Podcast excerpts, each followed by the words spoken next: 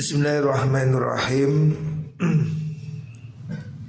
Wa min adabil mar'ah Wa min adabil mar'ati lan iku setengah sangking adabe wong wadon ya. Adab bagi istri ya. Di antara adab bagi seorang istri Muzal mulazamatus solahi utawi netepi kebagusan. Maksudnya menjaga diri, menjaga kebaikan. Wal inqibadu lan prihatin. Maksudnya prihatin artinya inqibat itu apa? Menutup diri, menjaga diri ya. Tidak sembrono ya. Fi ghaibati zawjiha ing dalem tingkah ora anane bojone mar'ah. Hendaknya istri itu menjaga diri kalau suaminya tidak berada di rumah. Waruju ulan bali ilal la'bi maring dolanan wal imbisati lan kajembaran Maksudnya kajembaran itu ya ramah. Wasbabil ladzati lan pira-pira sebabe kesenengan fi huduri zaujiha ing dalem tekani bujune mar'ah. Kalau ada suami hendaknya wanita ini ya berusaha tampil yang menyenangkan Jangan cemberut, jangan membuat suasana menjadi kaku ya. Walayam bagilan orang sayukjo tidak bagus. Ya. Opo antu dia yang tong larani sopo zaujah atau mar'ah zaujaha ing bojone mar'ah. Jangan sampai menyakiti suami. Bihalin kelawan endi endine tingkah. Ai bihalin minal ahwal. Dalam keadaan apa pun baik secara ucapan maupun perbuatan janganlah menyakiti suami. Begitu juga suami waruyalan dan An Mu'adz bin Jabal saking sahabat Mu'adz bin Jabal. Qala dawu sapa Mu'adz Qala dawu sinten Rasulullah sallallahu alaihi wasallam? La tu'zim ra'atun zawjaha. La tu'zi ojo nglarani. Sapa imra'atun wong wadon Zawjaha ing bojone imra'ah Jangan sekali-kali perempuan menyakiti suaminya ya. Fit dunia ing dalam dunia Ya di dunia dalam kehidupan ini Dengan cara apa pun Jangan sampai menyakiti suami. Illa qalat Angin yang tau ngucap Sopo zaujatuhu? Ewa illa maksudnya. Su istri jangan menyakiti suaminya di dunia. Sebab nah, Wa illa. Kalau tidak demikian Maka istrinya dia yang di surga Maksudnya bidadari yang di surga ya. Wa illa lamun orang nikulatuti Kolat mongko ngucap sopo zaujatuhu bojo wadone zaud minal huri saking widodori widadari. Minal huril ini saking widodari huril ini nih wanita yang bermata indah ya. wanita cantik itu kan bermata indah ya. Bidadari cor Jawa nih ucapakan la tu'dhihi La tudhi ojo nglarani sira wadon hi ing mengkono zaud qatalakillah Wa talaki mukum merangi ki ing sira sapa Allah. sapa Allah Gusti Allah innama huwa angin pestine utahi mengkono zaud indaka ono sanding sira indaki ono sanding sira wadon iku dakhilun wong kang mertamu. Dakhil itu orang yang datang atau bertamu ya. Iya. Yusiku parak Sopo zaud ayu farikoka ing yen to misai sopo zaud ka ing sira ilaina maring kita kita bidadari. Jadi kalau ada istri galak pada suami itu bidadari yang di surga protes. Kamu kalau nggak sayang sama dia, dia nanti balik ke sini saya sayangi loh. Nah, itu artinya bidadari yang di langit sana itu protes. Itu calon suamiku di surga. Nah, jadi bidadarinya ini sudah menunggu. Kalau yang laki-laki benar, kalau nggak benar yo, ya bodoh Maksudnya ini orang-orang yang baik ya, suami-suami yang baik itu jangan disakiti. Kalau kamu menyakiti suamimu maka bidadari di surga itu menunggu dia kembali ke surga. Dia akan dimesrai oleh bidadari yang di surga. Artinya ya supaya istri ini jangan semena-mena. Kalau di dunia ya bisa jadi kalau istri itu tidak ramah pada suami, hati-hati di luar sana mungkin masih banyak gadis-gadis yang mau uh, meramai dia. kalau suaminya ganteng, apalagi punya duit, bojo ganteng duit duit, diseneni terus, ya nyingkri, ke jopo si akeh. Di luar masih banyak pelakor-pelakor. Nah, makanya hati-hati para istri ya. Kalau kamu tidak ramah pada suamimu, nanti suamimu kecantol orang yang ramah di warung sebelah itu atau di pasar-pasar. Hati-hati, makanya di dunia pun juga nggak bagus ya. Apalagi nanti besok dia di surga. Kesimpulannya ya istri ini hendaknya berusaha menjaga hubungan yang harmonis ya. Ya bukan hanya istri, masing-masing ya. Pasangan suami istri masing-masing harus menyadari bahwa di dunia ini kan sementara. Dia bertemu di dunia, bisa jadi di akhirat tidak ketemu kalau tidak sama-sama baik. Tapi kalau dia sama baiknya akan jadi pasangan di dunia sampai besok di surga. Jadi istri di dunia ini jadi jadi istri di surga. Kalau dia sama baiknya. Selanjutnya Wa mimma lan iku setengah saking perkara yajibu kang wajib. Alaiha ing atase mungkunu zauja min hubukin nikahi saking piro-piro hak pernikahan. Ya. karena ikatan pernikahan.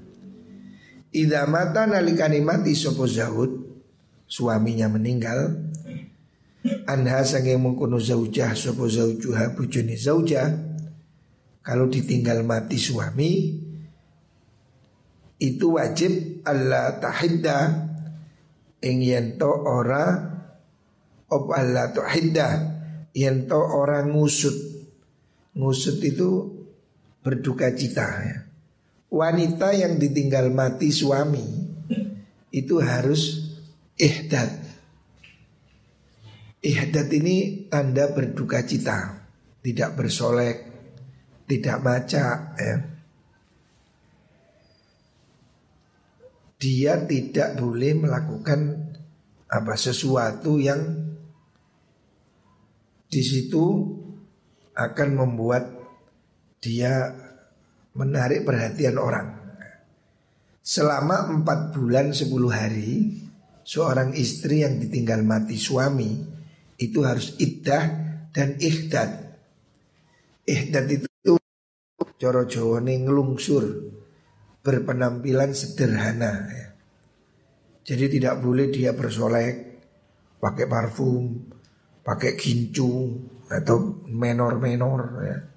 Dia harus berduka selama 4 bulan 10 hari.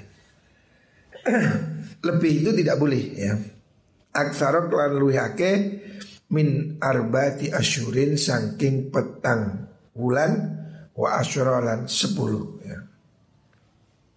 Sepuluh dina maksudnya.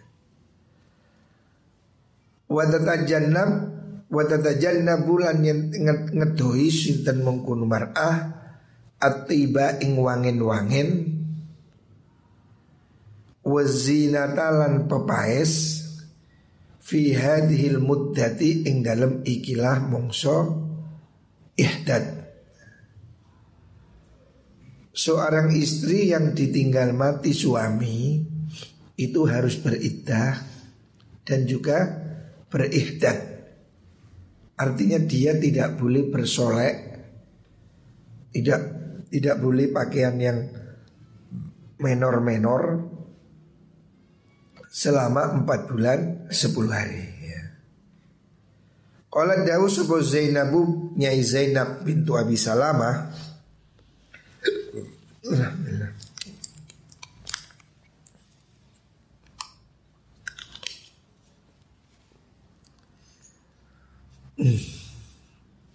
Dan uh, apa Ihdad itu kan ada ini ajarannya dalam Al-Quran ya Walladzina yutawaffawna minkum wa yadharuna azwajan yatarabbasna bi anfusihinna arba'ata wa asyra. Ya. Itu apa namanya ajaran Nabi untuk berduka cita bagi perempuan yang ditinggal mati oleh suami. Kalau Daud sapa Zainab bintu Ummi Salamah. Ya. Zainab bintu Ummi Salamah. Maksudnya itu wanita yang menjadi Robi Batun Nabi, anak tirinya kanjeng Nabi. Asalnya namanya Barroh, terus diganti oleh Nabi bernama Zainab. Nah, ibunya namanya Ummu Salamah. Daholtum lebu ingsun ala ummi Habibah ingatasi ummu Habibah. Ummu Habibah itu namanya Romlah bintu Abi Sufyan al-Quraisyiyah al-Umayyah. Melebu ingsun ala ummi Habibah zaujin Nabi kang dadi garwane Nabi Muhammad sallallahu alaihi wasallam. Dia masuk ke rumahnya Ummu Habibah. Ummu Habibah itu aslinya namanya Romlah. Terus itu istri Nabi. Hina tufiya sing ing dalam nalikane den sedoaken sinten abuha bapake mengkuno Ummu Habibah. Rupane Abu Sufyan ibn al-Harb bapaknya namanya Abu Sufyan ibn al-Harb. Fadaat Fadaat mongko ngundang nyeluk sapa mungkun Ummu Habibah. Mundut maksudnya bitibin kelawan wangen-wangen Fihi kang iku dalam tip sufrotun utai warno kuning. Sufrotun Sufrotun utawi kuning-kuning ya Maksudnya parfum yang berwarna ya. Di sufrati kholukin katanya. Bitibin fihi sufratun kang kuning kholukun kang yo kang kholuk kholukun itu kang lawas atau lama kuno. Au ghairu tailani mengkuno mengkuno tip nih atau sejenisnya. Artinya Ummu Habibah itu memakai parfum maksudnya. Jenisnya sufrah. Fadahanat mongko ngelengani meminyai bihi kelawan mengkuno tip sopo jariatun peladen budak wadon. Terus dia diminyai oleh pembantunya kata Summa pendiung Summa masat nuli demek sapa mengkono jariah bi aridhoiha bi aridhoiha kelawan ini lo arid pelipis ya. Apa ini namanya ini? Keningnya ya. Apa? Sisi wajah itu apa bahasa Jawa nih ya? Yang ini kira pokoknya wajah. Wajah samping itu hati-hati ya ini wajah samping ini. Biari doya kelawan uh, apa bahasa Jawa nih ya itu samping wajahnya gini ya begitu. Maksudnya wanita itu kan bersolek sini kan dikasih kuning kuning kayak di film India itu kan ada kuning kuning ini. Nah itu. Maksudnya seperti itu. Pelipis dua pelipis kanan kiri ya. Atau pilingan ya. Pilingan nih mengkuno uh, Ummu Habibah ya. Sumakolat nuli ngucap sapa mengkuno Ummu Habibah. Wallahi demi Allah. Mali orang orang iku ingsun Bitibi kelawan wangen-wangen Min hajatin tay kebutuhan. Sebetulnya saya nggak mau pakai wangi-wangian. Ghaira'ani angin sedene ingsun Iku sami tunggurumu ingsun. Ngrungu ingsun Rasulullah ing Rasulullah sallallahu alaihi wasallam. Yang gulu hali dawu sama Nabi Dawu ini la yahillu ora halal. Limraatin kedue wong wadon tu'minu kang iman sapa imro'ah? Billahi kelan Allah wal yaumil akhir lan dino akhir. Ora halal apa antu hiddah yen to ngelungsur ihdad ya. ihdad tadi itu tidak bersolek. Sapa mar'ah? Ala mayyitin ing atase mayyit Aksaro kelawan luwih akeh min salah sati ayamin saking telung dino. Illa ala zaujin angin ing atase bojo lanang arba'ata asyurin wa asra ing dalem mongso petanggulan sepuluh dino. Artinya ihdad itu hanya diperbolehkan dan diwajibkan untuk istri bagi kematian suami selama 4 bulan 10 hari. Kalau dia melakukan ihdad selain untuk suami, ihdad itu berduka cita, menunjukkan sikap prihatin. Kalau untuk selain suami seperti kematian orang tua itu hanya maksimal tiga hari. Wayal zamualan wajib haing mengkunus mar'ah bagi istri yang ditinggal mati wajib luzumu maskanin nikahi netepi panggonane nikah. Tetap tinggal di rumah ya. Ila akhiri iddati maring akhiri iddah. Jadi istri yang ditinggal mati oleh suami tidak boleh keluar rumah ya. Yang tidak ada perlu. Kalau ada perlu, misalnya dia ini bakul, lekanang pasar, kanok sing keimangan, ya boleh bakul. Yang tidak boleh itu ngelencer ya. Dalam masa iddah itu tidak boleh ngelencer jalan-jalan ya, tidak boleh. Harus diem di rumah selama masa iddah. Tapi kalau mencari nafkah itu boleh. Walai salan ora ono ikulaha wenang ketui mar'ah Opo al intiko lungalih ila ahliha maring bujune atau keluargane keluargane mar'ah. Walal julan ora kena metu illa li daruratin angin krono darurat. Jadi ini yang harus diperhatikan. Wanita yang ditinggal mati suami tidak boleh keluyuran ya dalam masa iddah.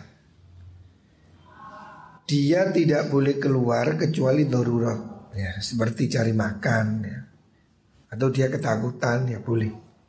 Tetapi secara umum dia ini tidak boleh keluar yang tidak penting ya. Bahkan pulang ke rumah orang tuanya juga nggak boleh. Jadi dia harus tinggal di rumah kematian itu sampai 4 bulan 10 hari. Kalau memang itu rumahnya. Lalu umai ngontrak yo. Bagaimana lagi ya? Dalam arti itu tidak boleh pergi dari rumah yang ditempati itu, yang dimiliki sampai 4 bulan 10 hari. Selanjutnya wamin adabiyalan iku setengah sangking adabe mengkuno mengkuno uh, mar'ah di antara adab seorang perempuan istri antakuma utai yang tahu jumenengi sebuah mar'ah bikul hikmatin kelawan saben-saben pengladenan memberikan servis ya memberikan layanan fitari ing dalam omah. Ya.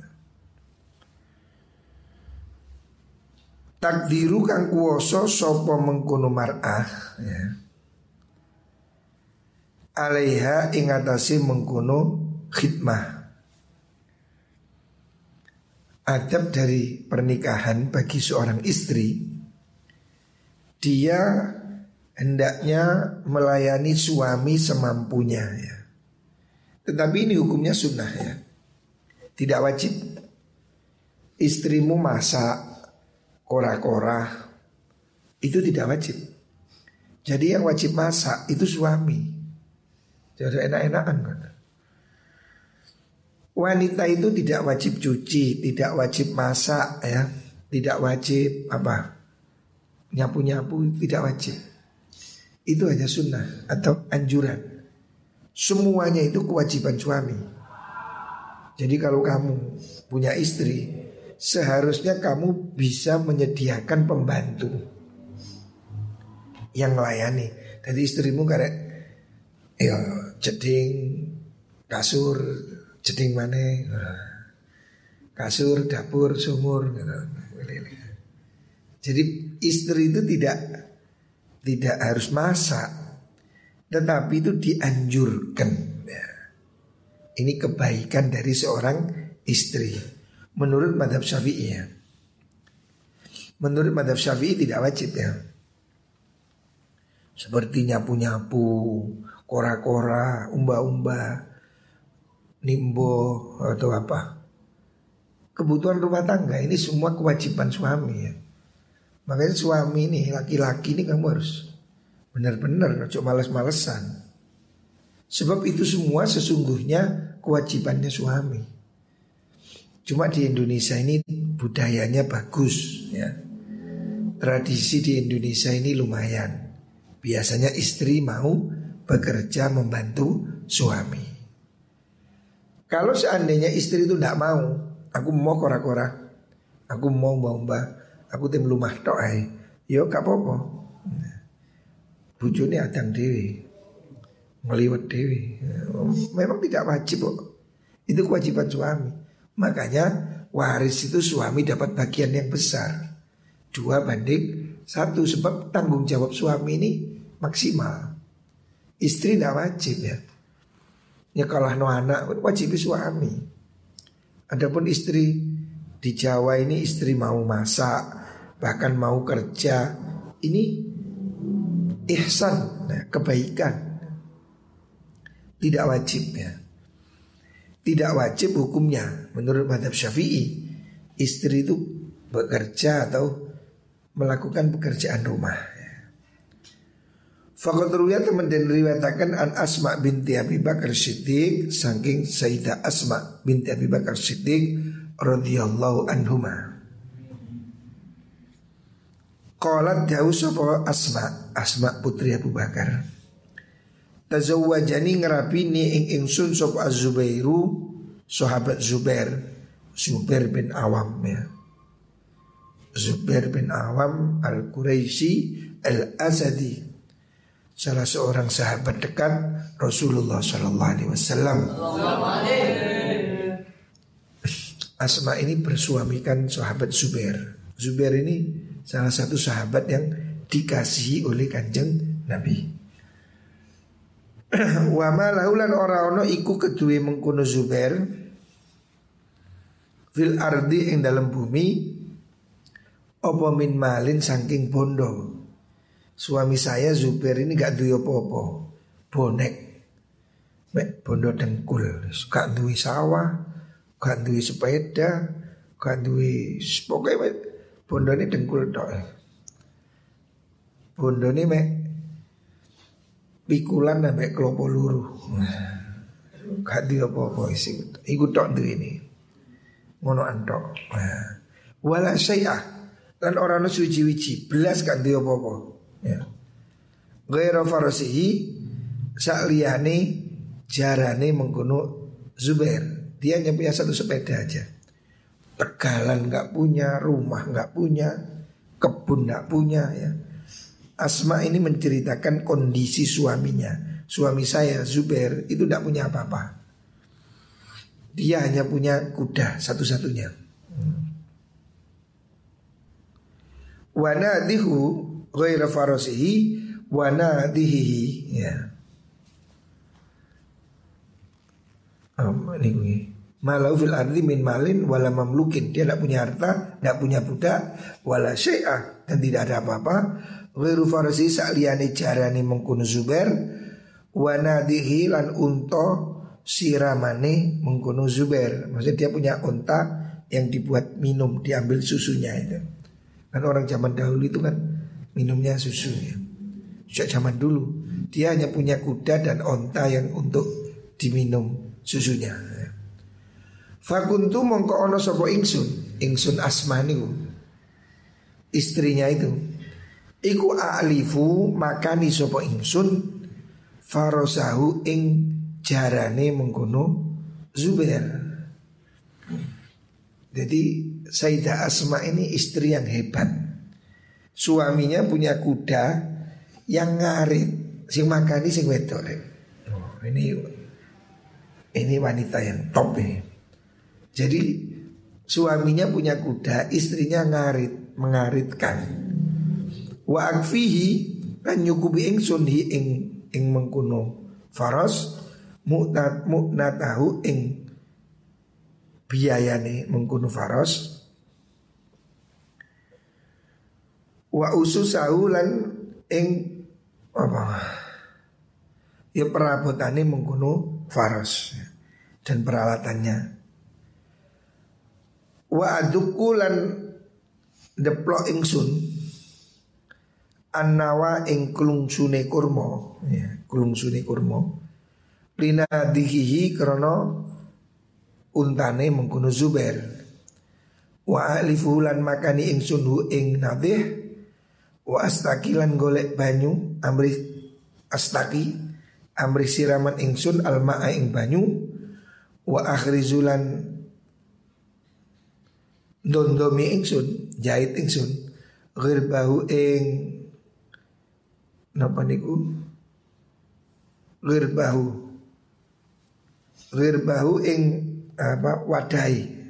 Jadi zaman dulu kan belum ada wadah plastik, belum ada wadah beling ya. Makanya dulu wadah itu terbuat dari uh, kulit yang dijahit ya, itu hirbah. Wa ajinulan gawe akan roti sopo ingsun. Nah, dan saya ikut jadi Sayyidah Asma ini luar biasa ya. Dia punya suami yang miskin Tapi semuanya dikerjakan oleh istrinya Jadi suaminya punya kuda Dia yang cari makan. Suaminya punya unto Dia yang ngarit. Sing deplok no makanannya itu. Dia yang merah susunya. Dia yang jahitkan peralatannya. Dia yang apa manik membuatkan makanan. Waduh ini wanita Wonder Woman. Nah wanita ampuh ya. Wa kuntulan ono sapa ingsun iku antilu. Mindah ingsun annawa ing wiji kurma. Ala roksi ing atase sira ingsun. Min sulutsai farsakhin saking jarak dua per tiga farsah. Ya. jarak sekian kilo ya. jadi Sayyidah Asma ini Masya Allah Dia itu memikul isinya kurma untuk makanannya unta itu mengambil dari dua per tiga farsah Udah jarak sekian kilometer. Hatta bundi kau. Farosaho niku ya. Napa niku? Farosaho. Oh, bukan farsah. Sulusai farsahin dua per tiga farsah. Farsah niku maksudnya jarak ya tiga mil. Hitungan zaman dahulu satu farsah itu tiga mil. Satu mil itu empat ribu langkah. Ya. Empat ribu langkah. Satu langkah itu kira-kira 60 cm. Berarti ya dia berjalan itu hampir 2 km. Ya. Mikul isine kurma. Bayang norek, wong wedok saiki Oh, ya gak ono sing gelem ini kira. Ini contoh wanita istimewa. Ya. Namanya Asma binti Abi Bakar. Hatta arsala sehingga ngutus ilayya maring insun sopo Abu Bakar Abu Bakar bapaknya bi khotimin kelawan khotim pembantu budak. Jadi suaminya ini miskin, tidak bisa mencarikan pembantu. Zaman itu budak. Sampai bapaknya sendiri yang mengirimkan budak. Fakafat ni mongko nyukupi sopo mengkuno khotim ni ing ingsun siasat al farosi ing ngatur jaran maksudnya ngerumati jaran. Fakaan nama takoni mongko koyok koyok merdeka akan sopo Abu Bakar ni ing ingsun. Saking senengnya Asma binti Abu Bakar biasanya kerjaan diselesaikan sendiri. Suatu saat sama ayahnya dikirimi pembantu. Dia itu sampai merasa merdeka. Saking beratnya kehidupan sehari-harinya. Padahal ini sahabat ya. Wanita hebat ini. Falagi itu mau ketemu insun Rasul Sallallahu alaihi wasallam. Yauman ing dalam sudi dino Wa ma'ulan iku sertane Nabi ashabu Utai piro-piro sahabati kanjeng Nabi. Wa nawa hali utawi Kulungsune kurma Biji kurma Iku ala roksi ingatasi sirah ingsun. Asma bin Abu Bakar ini meskipun sudah punya pembantu tapi dia masih nyuwun biji kurma untuk makanannya unta. Suatu saat Ya karena pembantunya hanya cukup untuk merawat kuda. Padahal suaminya punya kuda dan onta. Akhirnya untanya ini masih di openi sendiri oleh Asma. Ya dia nyuwun ya, membawa biji biji-biji kurma itu nyuwun di atas kepala. Suatu saat sedang dia nyuwun ketemu Rasulullah Shallallahu Alaihi Wasallam. Fakola maka Nabi mengatakan, ah ah ah ah itu maksudnya atau ih ih kata. Ih maksudnya me, me, apa? Menggusak apa? Memacu onta itu. Ih ih ya. yastam apa yastanihu. Yastanihu ya. amrih jerumakan maksudnya dia menundukkan nakotahu ing ontane kanjeng Nabi wayah miluni lan gonceng sapa Nabi ni ing ingsun khalfahu ing dalam burine kanjeng Nabi. Jadi kanjeng Nabi itu sampai gak mentolo melihat wanita yang bernama Asma binti Abu Bakar itu sedang nyuwun ya, jarak sekian mil nyuwun isinya kurma. Sehingga Nabi waktu itu sedang lewat, Nabi naik onta. Ontanya disuruh disuruh mendekem supaya Asma ini bisa gonceng di belakangnya. Ya, Nabi ini open betul. Kasihan itu. Jadi dia punya penyayang sekali. Ini kasihan wanita nyuwun biji kurma.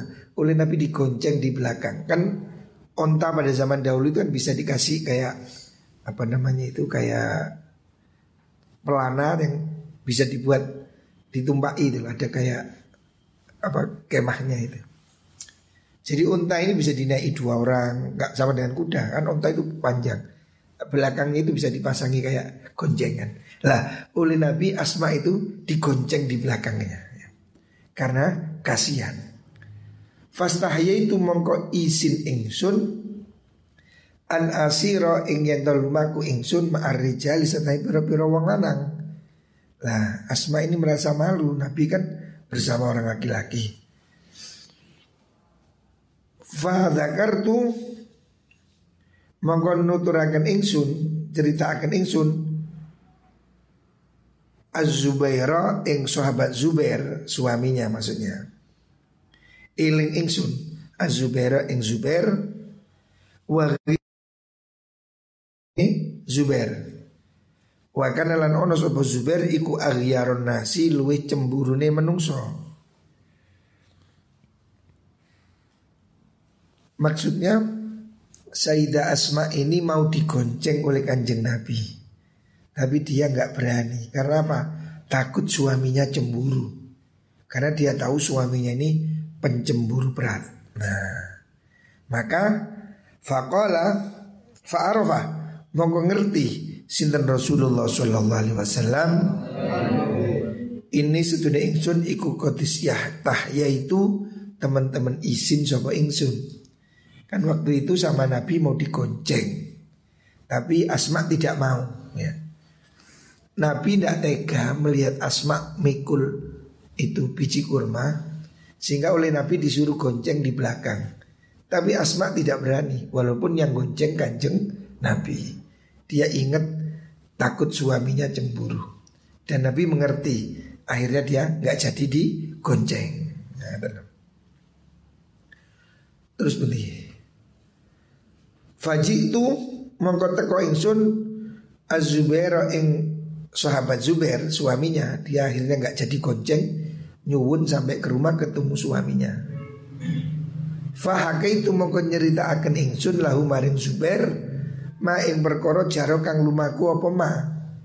Sampai di rumah dia cerita pada suaminya bahwa tadi sama kanjeng Nabi mau digonceng tapi dia tidak mau. Fakola Mongko dawu sapa mengkono Zubair wallahi demi Allah. Laham luka yakti utawi nggawa sira annawa ing biji kur sika ing atase sirah sira iku asad luwih banget alaiya ing atase ingsun lebih berat alai yang seingsun min ruku batika Saking oleh nunggang siro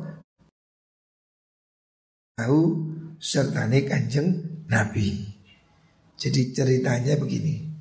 Ini bab terakhir ya Dari adabnya seorang istri Imam Ghazali mengingatkan supaya istri-istri ini hendaknya melayani suami dengan baik. Makanya di sini bab terakhir ini Imam Ghazali memberi contoh seorang wanita hebat yang namanya Asma binti Abu Bakar. Asma binti Abu Bakar ini istrinya sahabat Zubair. Sahabat Zubair ini di antara sahabat Rasulullah Sallallahu Alaihi Wasallam. Dan sahabat Zubair ya, Zubair bin Awam itu orang miskin, tidak punya apa-apa, cuma punya kuda dan onta. Loh, Asma ini kan wanita terhormat, anaknya Abu Bakar. Abu Bakar ini bukan orang sembarangan. Abu Bakar ini juga mertuanya kanjeng Nabi. Abu Bakar ini juga ningrat ya, orang terhormat. Tapi anaknya yang bernama Asma luar biasa. Dia itu rela setiap hari ngarit makani kuda, makani unta, menepung, bikin makanan, menjahit, semua pekerjaan dilakukan sendiri tanpa membantu. Padahal dia seorang wanita terhormat. Ini memberi contoh untuk wanita-wanita hari ini. Wong wedok sing kemenyek-kemenyek itu.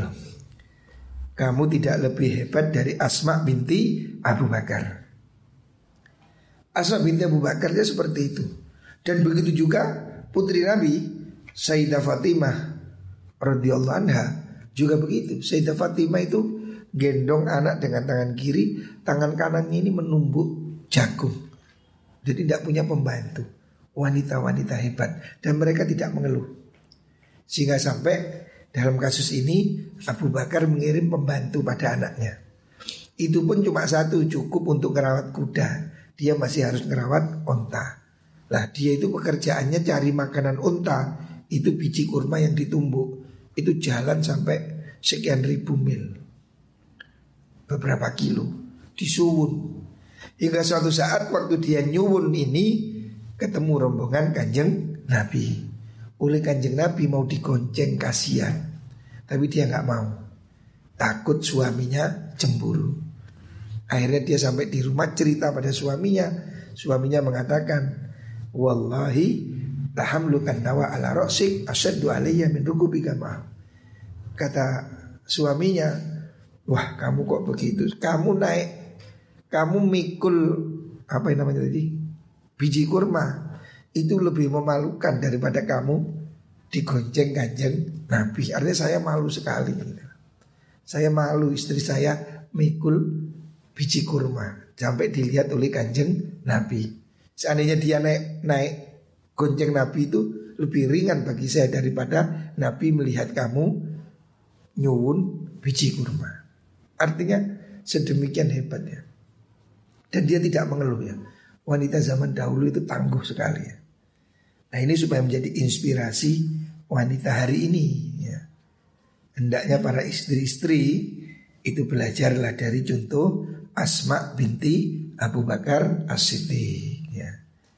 Ini istri yang baik walaupun bukan wajib ya. Melayani suami itu tidak wajib menurut madhab syafi'i Memberi pembantu itu kewajiban suami Makanya kalau istri kita ini ya kita di rumah di Jawa ini istri mau masak, istri mau nyapu-nyapu, istri mau cuci-cuci, itu harus dihargai. Makanya suami-suami ini harus sadar kamu itu sudah dibantu oleh istri. Sesungguhnya istrimu itu tidak wajib nyapu, masak, kora-kora, umbah-umbah, gendong anak gendong bapak nih bisa. Waduh, berat sekali ini. Ini bukan kewajiban istri. Jadi kalau ada istri mau membantu urusan rumah tangga, itu adalah kebaikan dari pihak istri. Makanya suami harus teposiliro, harus menghargai ya. Dari sini perlulah hubungan saling menghormati antara suami dan istri. Ini sudah terakhir bab nikah. Muka-muka dari ilmu sing manfaat. Muka-muka semua dapat istri yang soleh, ah yang solehah. Yang perempuan dapat suami yang soleh.